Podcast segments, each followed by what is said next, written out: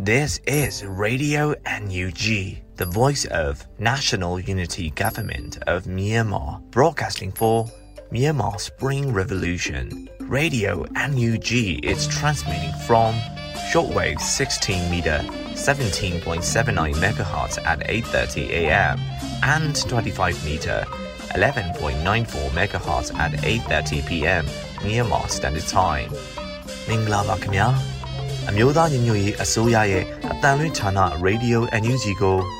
မနက်ပိုင်း၈နာရီခွဲမှာလိုင်းတို16မီတာ7.3 MHz ညပိုင်း၈နာရီခွဲမှာလိုင်းတို25မီတာ17.6 MHz တို့မှာဓာတ်ရိုက်ဖမ်းယူနိုင်စနိုင်ပါပြီမင်္ဂလာအပေါင်းနဲ့ပြည့်စုံကြပါစေအခုချိန်ကစပြီး Radio NUG အစီအစဉ်တွေကိုဓာတ်ရိုက်အတန်လွှင့်ပေးနေပါပြီ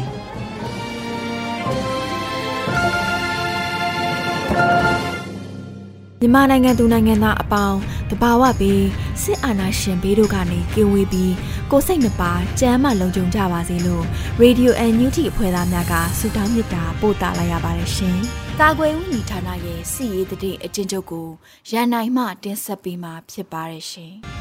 ။ကာကွယ်ဦးညီဌာနအမျိုးသားညီညွတ်ရေးအစိုးရမှထုတ်ဝေတဲ့နိုင်စဉ်စီရေးတည်အချင်းချုပ်ကိုကျွန်တော်ရန်နိုင်ကတင်ဆက်ပေးပါတော့မယ်။ စစ်ကောင်စီနဲ့တိုက်ပွဲဖြစ်ပွားမှုအခြေအနေကိုတင်ဆက်ပေးပါမယ်။ကြားပြည်နယ်မှာဇန်နဝါရီလ23ရက်နေ့မနက်10:30မိနစ်30ချိန်ခန့်က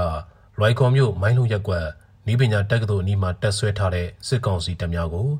KNI တပ်မတော် KA KNTF PDF ပူးပေါင်းတပ်ဖွဲ့များကတိုက်ခိုက်ခဲ့တယ်လို့သိရှိရပါတယ်ခင်ဗျာ။ချင်းပြည်နယ်မှာဇန်နဝါရီလ23ရက်နေ့မနက်10:00နာရီအချိန်ခန့်ကတီးတိမ်မြို့နယ်သေးစံကြီးရွာနီမှာ စစ်ကောင်စီတပ်နဲ့ပြည်သူ့ကာကွယ်ရေးတပ်တို့တိုက်ပွဲဖြစ်ပွားခဲ့ပြီးစစ်ကောင်စီတပ်သား9ဦးသေဆုံးခဲ့တယ်လို့သိရှိရပါတယ်။ဇန်နဝါရီလ23ရက်နေ့ကမတူပီမြို့နယ်မတူပီမင်းတပ်လမ်းလဲမျိုးချောင်းစုံမှာစစ်ကောင်စီတပ်နဲ့ CDF မတူပီတို့တိုက်ပွဲဖြစ်ပွားခဲ့ပြီးစစ်ကောင်စီတပ်သား2ဦးသေဆုံးက3ဦးဒဏ်ရာရရှိခဲ့တယ်လို့သိရှိရပါတယ်ခင်ဗျာ။ဆက်လက်ပြီးတော့စစ်ကောင်စီကကျူးလွန်တဲ့ရာဇဝတ်မှုများကိုလည်းတင်ဆက်ပေးပါဦးမယ်။ ကယားပြည်နယ်မှာတော့ဇန်နဝါရီလ23ရက်နေ့ကလွိုင်ကော်မြို့ပေါ်မှာစိုက်ကယ်မောင်းနှင်နေတဲ့လူငယ်တူကိုစစ်ကောင်စီတပ်မှတနက်နဲ့ပစ်ခတ်ခဲ့ရမှာတေဆုံးသွားခဲ့တယ်လို့သိရှိရပါတယ်ခင်ဗျာ။စကိုင်းတိုင်းမှာဇန်နဝါရီလ14ရက်နေ့နေ့လယ်12:40မိနစ်40ချိန်ခန့်ကတပရင်အရှိချမ်းရင်ကြီးရွာကိုမုံရွာကလာတဲ့စစ်ကောင်စီတိုက်ခတ်ရေးရဟတ်ရင်နှစ်စင်းရိုးရိုးရဟတ်ရင်တစ်စင်းဖြင့်ပစ်ခတ်ပြီးရဟတ်ရင်မှစစ်ကောင်စီများဆင်းလာကရင်ကြီးရွာဘုန်ကြီးကျောင်းကို မီးရှို့ဖျက်ဆီးခဲ့တယ်လို့သိရှိရပါတယ်ခင်ဗျာအခုတင်ဆက်ပေးခဲ့တဲ့နေ့စဉ်စီးရဲသတင်းအချင်းချုပ်များကိုတော့မြေပြင်သတင်းတာဝန်ခံများနဲ့သတင်းဌာနများကဖော်ပြလာတဲ့အချက်လက်များပေါ်မှာအခြေခံပြုစုထားတာပဲဖြစ်ပါတယ်ကျွန်တော်ကတော့ရန်နိုင်ပါ Radio NUG မှာဆက်လက်အသံလွှင့်နေပါတယ်။အခုဆက်လက်ပြီးနောက်ဆုံးရပြည်တွင်းသတင်းများကိုຫນွေဦးမိုးမှတင်ဆက်ပေးမှာဖြစ်ပါတယ်ရှင်။ မင်္ဂလာပါခင်ဗျာအခုချိန်ကစပြီး Radio NUG မနက်ခင်းသတင်းများကိုဖတ်ကြားတင်ပြပေးပါတော့မယ်ခင်ဗျာအခုတင်ပြပေးမယ့်သတင်းတွေကတော့ Radio NUG သတင်းတောင်ဝန်ခံတွေနဲ့ခိုင်လုံသောမိဖက်သတင်းရင်းမြစ်တွေမှာအခြေခံထားတာဖြစ်ပါတယ်ကျွန်တော်ຫນွေဦးမိုးပါပထမဦးဆုံးသတင်းတစ်ပုဒ်အနေနဲ့နိုင်ငံတော်၏အတိုင်ပင်ခံပုဂ္ဂိုလ်အပါအဝင်ခေါင်းဆောင်၃ဦးကိုစစ်ကောင်စီကအကတိပုံမှ၅ခုကိုထပ်တိုးလိုက်ပါတယ်ဆိုတဲ့သတင်းကိုတင်ပြပေးသွားပါမယ် တဘာဝဘေးအန္တရာယ်ကာကွယ်ရေးဆိုင်ရာလုပ်ငန်းခီးစဉ်အတွက်ရဟတ်ရင်ငှားရမ်းဝယ်ယူတာနဲ့ပတ်သက်ပြီးတမရဦးဝင်းမြင့်နိုင်ငံတော်အတိုင်ပင်ခံပုဂ္ဂိုလ်ဒေါ်အောင်ဆန်းစုကြည်တို့ကိုစစ်ကောင်စီကအဂတိပုံမှအမှု၅မှုမှာထပ်မံဆွဲဆိုလိုက်ပါတယ်။ထပ်မံဆွဲဆိုလိုက်တဲ့အမှုတွေကိုဇန်နဝါရီလ14ရက်နေ့မှာစစ်ကောင်စီထိန်းချုပ်ထားတဲ့တရားရုံးကအသိပေးခဲ့ကြောင်းသိရပါတယ်။ဆွဆွဲခံထားရတဲ့ဒီအမှုတွေကိုလိုက်ပါဆောင်ရွက်မဲ့ရှေ့နေတွေနဲ့ တိုင်ပင်အောင်မှာဖြစ်လို့ရှေ့နေကိုယ်စားလှယ်လွှဲစာမတင်နိုင်သေးကြောင်းတရားရုံးကတင်ပြခဲ့ပါတယ်။တင်ပြမှုကိုစစ်ကောင်စီတရားရုံးဘက်ကလက်ခံပြီးဇန်နဝါရီ22ရက်နေ့မှာကိုယ်စားလှယ်လွှဲစာတင်ပြဖို့ပြန်လည်အသိပေးခဲ့ပါတယ်။ဒီအမှု၅မှုမှာဒေါ်အောင်ဆန်းစုကြည်ဦးဝင်းမြင့်တို့နဲ့အတူလူကယ်ပြန်ဝန်ကြီးဟောင်းဒေါက်တာဝင်းမြတ်အေးကိုပါပူးတွဲဆွဲဆိုထားတာဖြစ်ပါတယ်။ရဟတ်ရင်ငှားစီးတာနဲ့ရဟတ်ရင်ဝယ်ယူရမှာ နိုင်ငံတော်ဗန်နောင်တွေထိခိုက်နစ်နာတာတွေရှိတယ်ဆိုပြီးတမရဦးဝင်းမြင့်နိုင်ငံတော်၏အတိုင်ပင်ခံပုဂ္ဂိုလ်ဒေါ်အောင်ဆန်းစုကြည်နဲ့လူကယ်ပြန်ဝန်ကြီးဒေါက်တာဝင်းမြတ်အေးတို့ကိုအဂတိပုံမှန်နဲ့စစ်ကောင်စီကတရားစွဲတာပါရွေးကောက်ခံအနိုင်ရခဲ့ပြီးပြည်သူစန္ဒနဲ့အညီဖွဲ့စည်းထားတဲ့အစိုးရခေါင်းဆောင်တွေဟာတဘာဝဘေးအန္တရာယ်ကာကွယ်ရေးအတွက်ရဟတ်ရင်တစည်းငှားရမ်းခဲ့ပါတယ်ငှားရမ်းစာချုပ်မှာပါတဲ့ပြန်တန်းချိန်ထက် တကယ်တမ်းအသုံးပြုတဲ့ပြန်တန်းချိန်ရော့နေခဲ့ရပါတယ်ဒါဟာနိုင်ငံဗန်နာငွေထိခိုက်နစ်နာတယ်ဆိုကမြည်သည့်ဥပဒေနှင့်မျှမညီဘဲအတ္တမအာဏာသိမ်းထားတဲ့စစ်အုပ်စုဘက်ကတရားစွဲခဲ့ခြင်းဖြစ်ပါတယ်။အရေးပေါ်သုံးနိုင်ဖို့နိုင်ငံပိုင်ရဟတ်ရင်တစည်းကိုအာဏာရအစိုးရအဖွဲ့ကဝယ်ယူရမှာလဲဗန်နာရေးစည်းကမ်းမလိုက်နာတာတွေရှိခဲ့တယ်။ရဟတ်ရင်မရောက်သေးပဲဝန်ဆောင်ခကိုကြိုပေးထားခဲ့တယ်။တဘာဝဘေးအန္တရာယ်တွေမှာသုံးဖို့ဗန်နာငွေကို ရဟတ်ရင်ဝယ်ဖို့ပေးချေခဲ့တယ်။စတဲ့အကြောင်းပြချက်ဆွဲချက်တွေနဲ့ပုံမှတ်တက်ဆွဲဆိုခဲ့တာပါအဆိုပါရဟရင်ကိစ္စနဲ့ပတ်သက်ပြီးတမရဦးဝင်းမြင့်နဲ့ဒေါ်အောင်ဆန်းစုကြည်တို့အပြင်လူကယ်ပြန်ဝန်ကြီးဒေါက်တာဝင်းမြတ်အေးတို့ပေါင်း3ဦးကိုအာကတိပုံမှ55နဲ့တရားစွဲလိုက်တယ်လို့သိရပါတယ်ဒေါက်တာဝင်းမြတ်အေးကတော့လက်ရှိဖွဲ့စည်းထားတဲ့အမျိုးသားညီညွတ်ရေးအစိုးရအဖွဲ့ NUG မှာလူသားချင်းစာနာထောက်ထားရေးနဲ့ ဘေးအန္တရာယ်စီမံခန့်ခွဲရေးဆိုင်ရာဝန်ကြီးဌာနပြည်ထောင်စုဝန်ကြီးအဖြစ်ဖမ်းဆီးခြင်းမခံရဘဲဆက်လက်တာဝန်ထမ်းဆောင်နေတာဖြစ်ပါတယ်။ထပ်တိုးဆွဲခဲ့တဲ့ပုံမှန်များဟာထောင်ဒဏ်15နှစ်ထိချနိုင်တဲ့ပုံမှန်လည်းဖြစ်ပါတယ်။လူထုခေါင်းဆောင်ဒေါ်အောင်ဆန်းစုကြည်ကိုစစ်ကောင်စီကနှစ်ရှည်ထောင်ဒဏ်ချနိုင်တဲ့အမှုကြီးများဖြင့်ဆွဲဆိုသည့်အမှုပေါင်း16မှုအထိရှိလာပြီဖြစ်ပါတယ်။လက်ရှိအချိန်မှာတော့စစ်ကောင်စီဟာလူထုခေါင်းဆောင်ဒေါ်အောင်ဆန်းစုကြည်ကိုထောင်ဒဏ်6နှစ် ချမှတ်ခဲ့ပြီးဖြစ်ပါတယ်ခင်ဗျာဆက်လက်ပြီးစစ်ကောင်စီပြန်ကြားရေးရဲ့တည်င်းစကားကတော်လှန်ရေးအင်အားကိုသာထပ်မံဖြစ်ပေါ်စေခဲ့တဲ့တည်င်းတစ်ပုတ်အကြောင်းတင်ပြပေးပါမယ်ခင်ဗျာနိုင်ငံတော်အချုပ်အခြာပြည်သူအာဏာကိုမိသည့်ဥပဒေနှင့်မျှမညီညွတ်ပဲစစ်တပ်ကသိမ်းယူခဲ့တာနောက်ထပ်ရက်တရပတ်နှစ်ပတ်အတွင်းမကြာခင်ဖေဖော်ဝါရီတရက်နေ့ဆိုရင်တစ်နှစ်ပြည့်ပါတော့မယ်2020ခုနှစ် နိုဝင်ဘာမှာကျင်းပခဲ့တဲ့ပါတီဆောင်အထွေထွေရွေးကောက်ပွဲကြီးကိုပြည်သူတွေဟာကက်ယောဂဘေးအန္တရာယ်ကြားမှာပဲတခဲနဲ့မဲထည့်ခဲ့ကြပြီးစစ်တပ်ကြောထောက်နောက်ခံပါတီဖြစ်တဲ့ပြည်ခိုင်ဖြိုးပါတီရှုံးနိမ့်မှုနဲ့အတူဒေါ်အောင်ဆန်းစုကြည်ဦးဆောင်တဲ့အမျိုးသားဒီမိုကရေစီအဖွဲ့ချုပ်ဟာတောင်ပြိုကမ်းပြိုထပ်မံအနိုင်ရခဲ့ပါတယ်။ပထမဆုံးလွတ်တော်ခေါ်ယူမဲ့ရက်ဖြစ်တဲ့ ဖေဖော်ဝါရီလ၁ရက်နေ့မှာပဲစစ်တပ်ဟာမဲစရင်မှောက်ရမှုကိုအကြောင်းပြပြီးနိုင်ငံတော်သမ္မတဦးဝင်းမြင့်ကိုဖမ်းဆီးကာဥပဒေမဲ့အာဏာသိမ်းယူမှုကြီးဖြစ်ပေါ်ခဲ့တာပါအာဏာသိမ်းမှုကြောင့်ရရဆက်ဆက်ဖြိုခွင်းတပ်ဖြတ်ခံရပြီးနောက်နိုင်ငံအဝန်းမှာလက်နက်ကန်တော်လှန်မှုခုခံစစ်ပွဲတွေပြင်းထန်ခဲ့ပြီးပြင်းထန်နေသေးပါပဲဇန်နဝါရီလ14ရက်နေ့မှာပြုတ်လုတဲ့စစ်ကောင်စီရဲ့နေပြည်တော်သတင်းစာရှင်းလင်းပွဲမှာတော့ သူတို့သိမ်းယူထားတဲ့အာဏာသိမ်းတပ်တန်းကိုနောက်ထပ်တိုးသွားမယ်လို့စစ်ကောင်စီအဖွဲ့ပြန်ကြားရေးဗိုလ်ချုပ်ဇော်မင်းထွန်းကထုတ်ဖော်ပြောဆိုလိုက်ပါတယ်။အရေးပေါ်အခြေအနေရဲ့အချိန်ကာလသတ်မှတ်ချက်ဟာတစ်နှစ်ဖြစ်တဲ့အတွက်လာမယ့်ဖေဖော်ဝါရီ၁ရက်နေ့ဆိုရင်တက်တန်းပြည့်ပြီဖြစ်လို့အာဏာသိမ်းစစ်ကောင်စီအနေနဲ့တက်တန်းတိုးဖို့လုပ်ပါမယ်။ဒါဟာ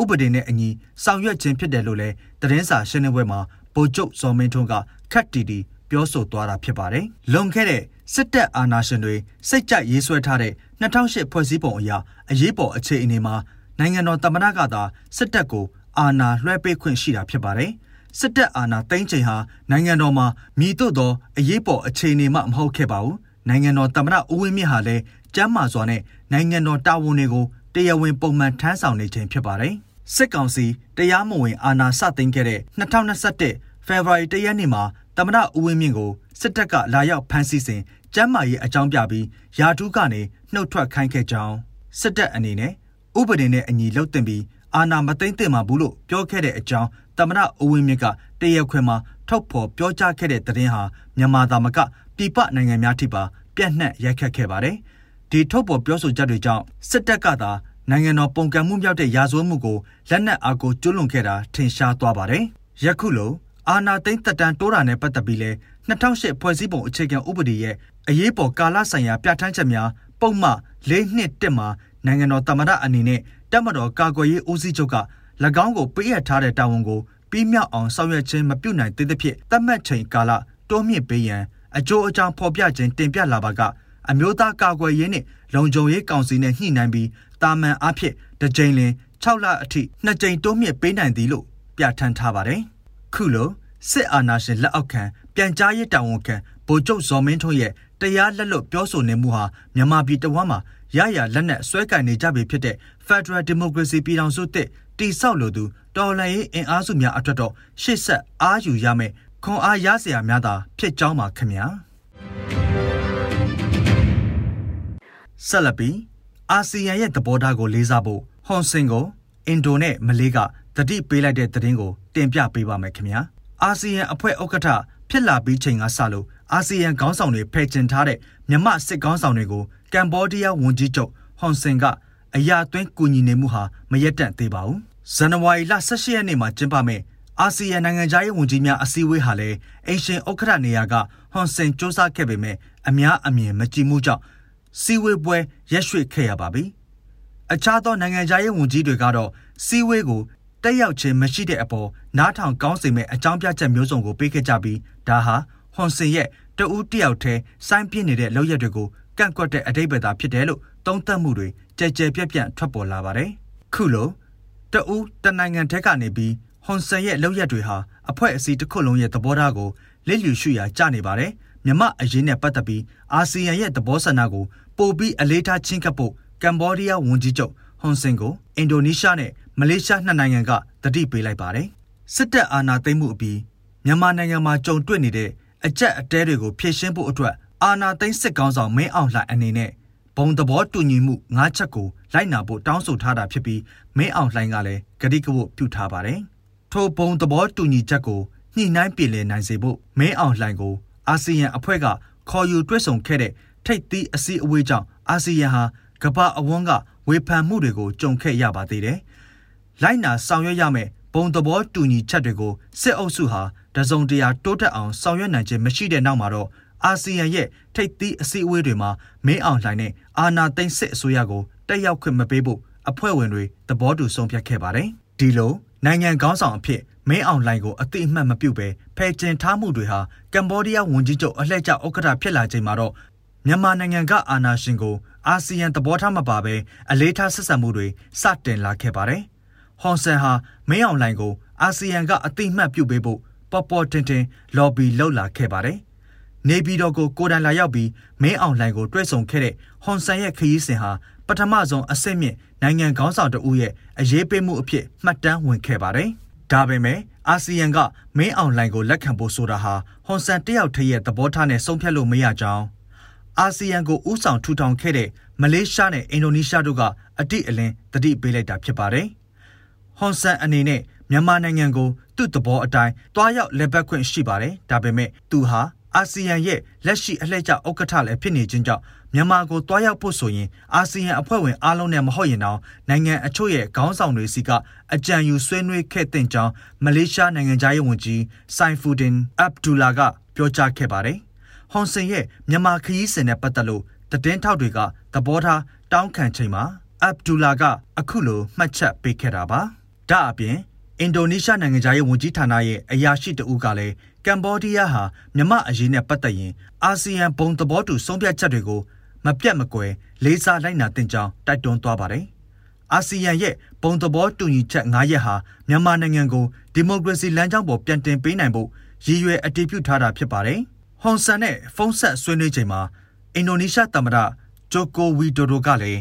မင်းအောင်လှိုင်ဦးဆောင်တဲ့မြန်မာစစ်အစိုးရဟာအာဆီယံဘုံသဘောတူညီချက်၅ရက်ကိုလှုပ်ဆောင်ပြတာဘာမှမရှိသေးကြောင်းထောက်ပြသတိပေးခဲ့ပါသေးတယ်။ဟွန်ဆန်ကတော့အာနာသိန်းစစ်ကောင်ဆောင်မင်းအောင်လှိုင်သည်အာဆီယံအစည်းအဝေးတွေတက်ရောက်ခွင့်ရှိတဲ့တယ်လို့ပွင့်ပွင့်လင်းလင်းမှတ်ချက်ပေးထားပါတယ်။ကိုတိုင်ကစစ်အာဏာရှင်တဦးတပွဲကမ်ဘောဒီးယားနိုင်ငံကိုချုပ်ကင်ထားပြီးအတိုက်ခံတွေအပေါ် ခေါင်းမဖော်နိုင်အောင်အုပ်ဆိုးထားသူဟွန်ဆင်ကြောင့်အာဆီယံအဖွဲ့ကြီးရဲ့ရှေ့ဆက်လုပ်ငန်းစဉ်တွေမှာလည်းအမြင်သဘောထားကွဲပြားပြီးစောင့်ကြည့်ရမယ်အခြေအနေဖြစ်ပါတယ်ခင်ဗျာ။ Radio NUG မှာဆက်လက်အတန်းလွှင့်နေပါတယ်။အခုဆက်လက်ပြီးတေဂီတာအစီအစဉ်အနေနဲ့ရေးဆူနောက်ထပ်အောင်ရဲ့အသေးခံတိုက်ပွဲဆိုတဲ့ဒီသချင်းကိုနာတော်တာဆင်ရမှာဖြစ်ပါရှင်။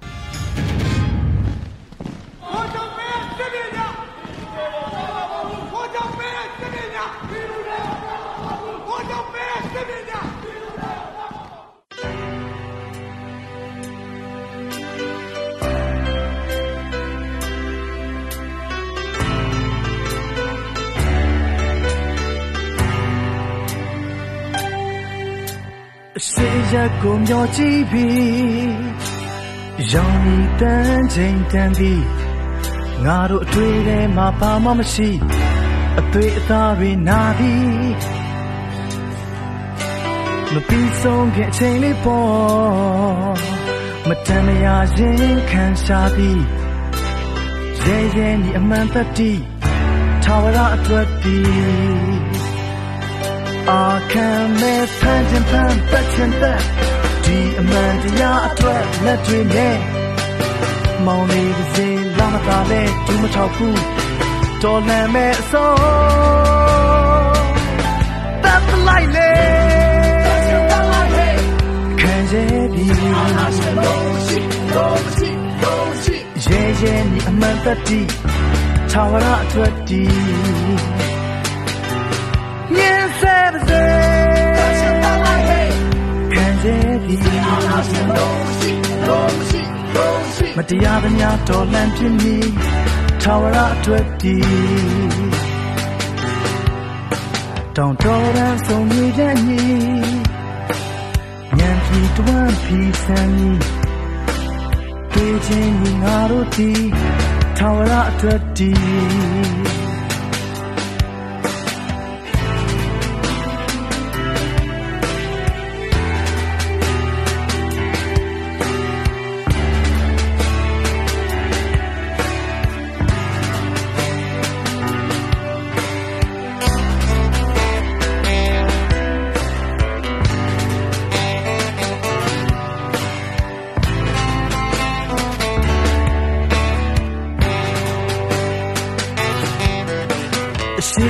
က်ကိုမျောကြည့်ပြီးရောင်ဤတန်းချိန်တန်းပြီးသိချင်းညီငါတို့သည်အမှန်တရားပဲဒီအာခံမဲ့ဖန်ချင်ဖန်တက်ချင်တက်ဒီအမှန်တရားအတွက်လက်တွေနဲ့မောင်လေးပါစေလာမသာလဲငါတို့မကြောက်ဘူးတော်လန်မဲ့အစော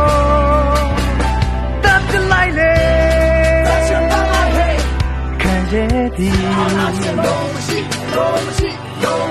ရှင်းရှင်းဒီအမှန်တတိထာဝရအတွက်ဒီမြင်စေပါစေခံရသည်မတရားသမျှတော်လန့်ပြင်းပြီထာဝရအတွက်ဒီ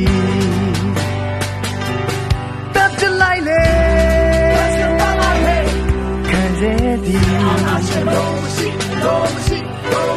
ရဲရဲညီအမှန်တတိထာဝရအတွက်ဒီ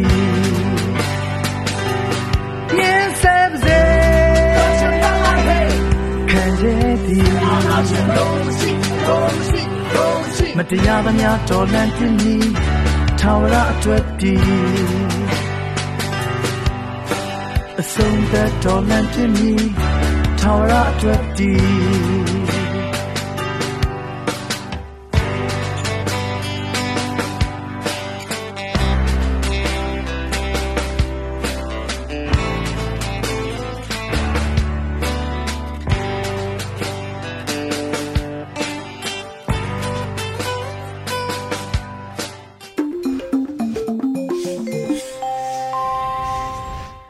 ဒီယို NUG မှာဆက်လက်အသံလွှင့်နေပါတယ်။အခုဆက်လက်ပြီးနေ့စဉ်သတင်းများကို မျိုးတော်တာမှတင်ဆက်ပေးမှာဖြစ်ပါရရှင်။အခုပထမဆုံးတင်ဆက်ပေးမယ့်သတင်းကတော့ပြည်ထောင်စုလွှတ်တော်ကိုစားပြုကော်မတီ CRPH အနေနဲ့လုပ်ငန်းပိုင်းဆိုင်ရာတိုးတက်မှုအများကြီးရှိလာပြီးနိုင်ငံတကာပါလီမန်တွေနဲ့ချိတ်ဆက်မှုအားကောင်းလာတယ်လို့ CRPH ဥက္ကဋ္ဌဦးအောင်ကြည်ညွတ်ပြောကြားလိုက်တဲ့ဆိုတဲ့သတင်းပါ ပြည်ထောင်စုလွှတ်တော်ကိုစားပြုကော်မတီ CRPH အနေနဲ့လုပ်ငန်းပိုင်းဆိုင်ရာတိုးတက်မှုအများကြီးရှိလာကြောင်းနဲ့နိုင်ငံတကာပါလီမန်တွေနဲ့ချိတ်ဆက်မှုကဏ္ဍမှာလည်းအများကြီးကောင်းမွန်လာတယ်လို့ပြည်ထောင်စုလွှတ်တော်ကိုစားပြုကော်မတီဥက္ကဋ္ဌဦးအောင်ကြည်ညွန့်က PVTV ကိုပြောကြားလိုက်တာပါကျွန်တော်တို့အများကြီးတိုးတက်လာတယ်လို့ရဲရဲတင်းတင်းပြောနိုင်တယ်ဗျ CRPH လို့စားပြီးလုပ်တဲ့အခါမှာ ဒါအစမှာအားလုံးလဲသိတဲ့အတိုင်းပဲကျွန်တော်တို့က stakeholder တွေအကုန်လုံးကိုအကုန်လုံးပါဝင်ဆောင်ရွက်နိုင်ဖို့ရန်အတွက် NUCC ကိုလည်းဖော်ဆောင်နိုင်ခဲ့တယ်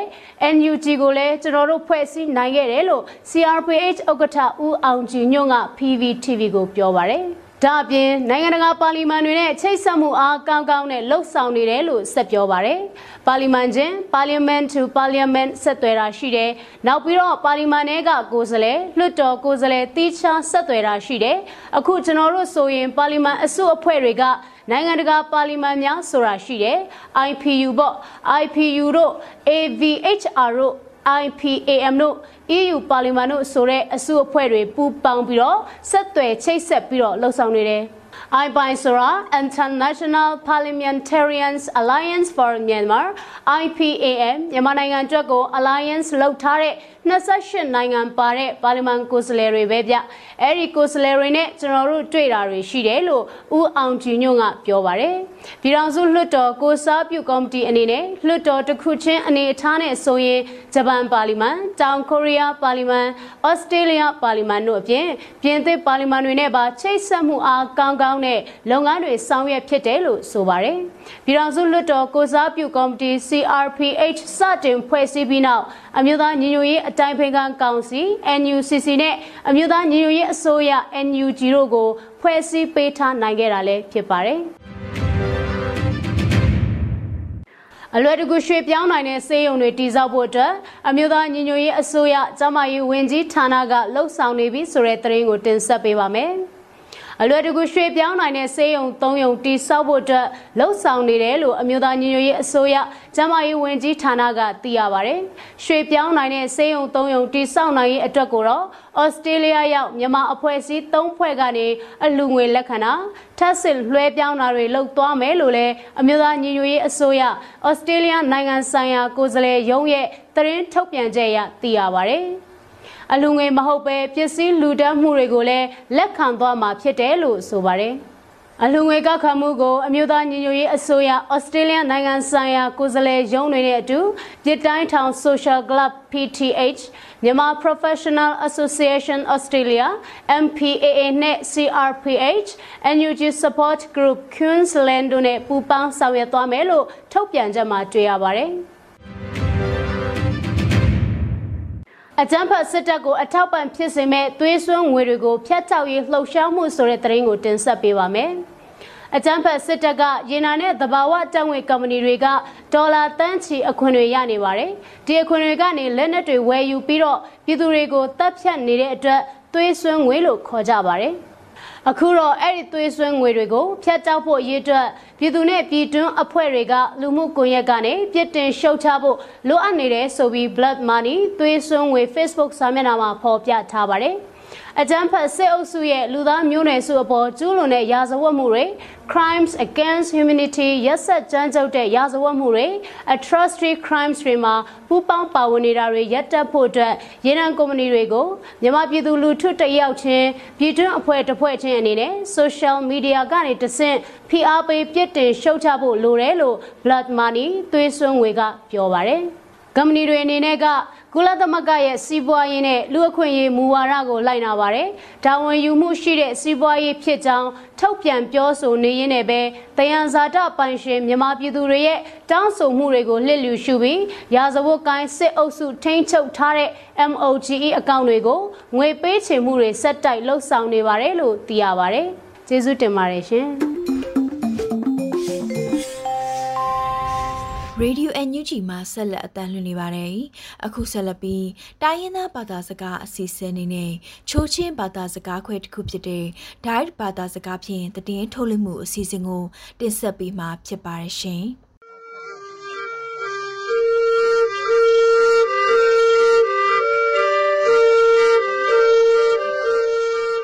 Radio NUG Cho Program Label Thai Lo Nak Sungai Ki No Pa Phoina Ningya Ye Nang Ni Tungai Khokum Thong Hi Kunam Ku Yang Hi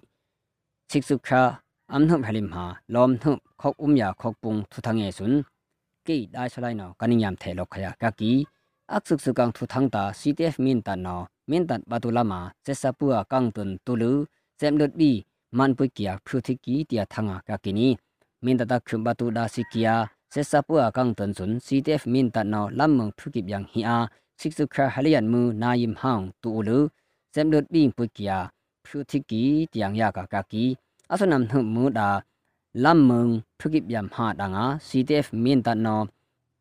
man yak pok si ulu se sapu da thi ku nak dum da ki ti lu min tat pa khok um na thang ak pra ka ki se sapu e sun lam mong ma ki pa dang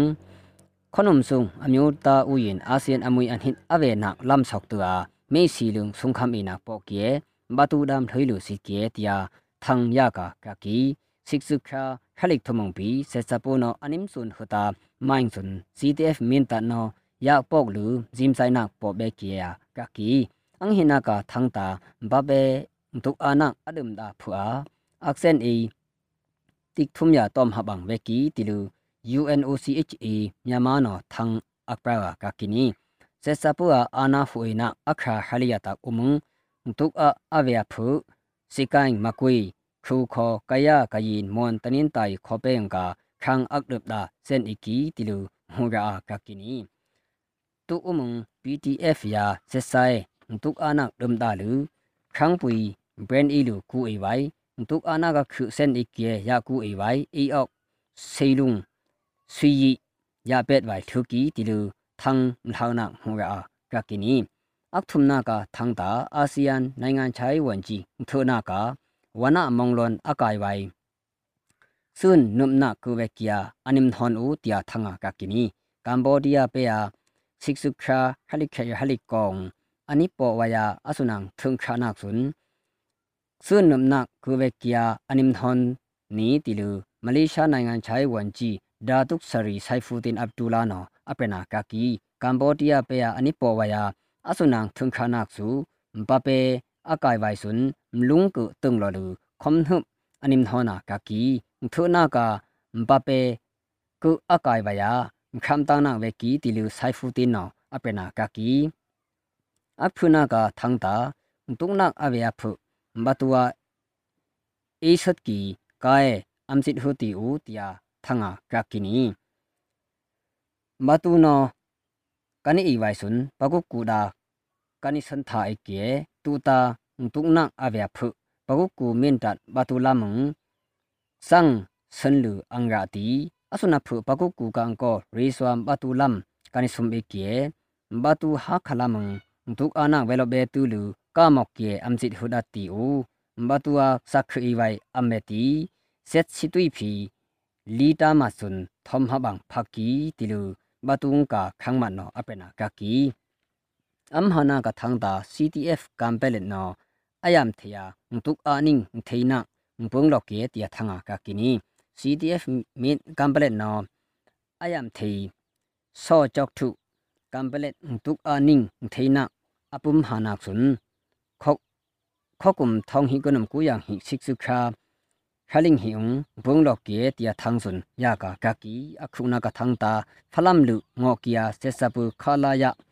က်ရှိတုံကာဆက်ဆမတ်မေပေါက်ဇက်ယန်ဆေပွီလူ CNTF ဒါဝမ်ဝိုင်ကီတီယာထငါကကီနီအဆုနာဆက်ဆာဆွန်တတစီလင်အောင်မင်းနာကီယာကကီဆက်ဆာဒါဝဲဆွန်ခုခဲနာလူ CNO CNTF ဒါဝမ်ဝိုင်ကီတီယာစင်ဟာတာကကီ CNO CNTF နော မကူအီနာငွေဖီရွက်လူလွတ်နာခေါ်တာအနိသာဦးတရားစစ်စုခါဟလိဖုံသံအနိပဝါကကိနီစုံငါကီနိုပဖွိနာနင်းရယေနာနီနနိခါနာစန်ပိုင်နာမေဆေ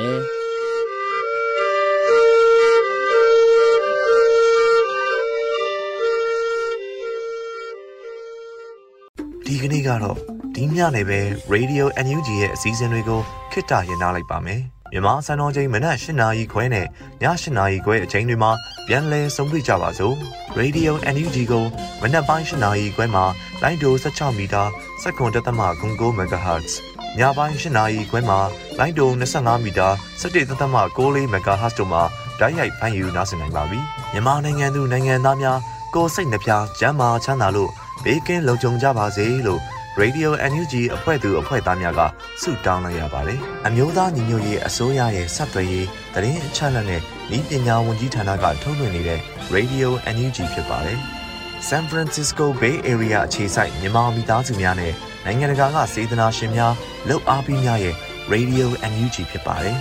။အရေးတော်ပုံအောင်ရမည်။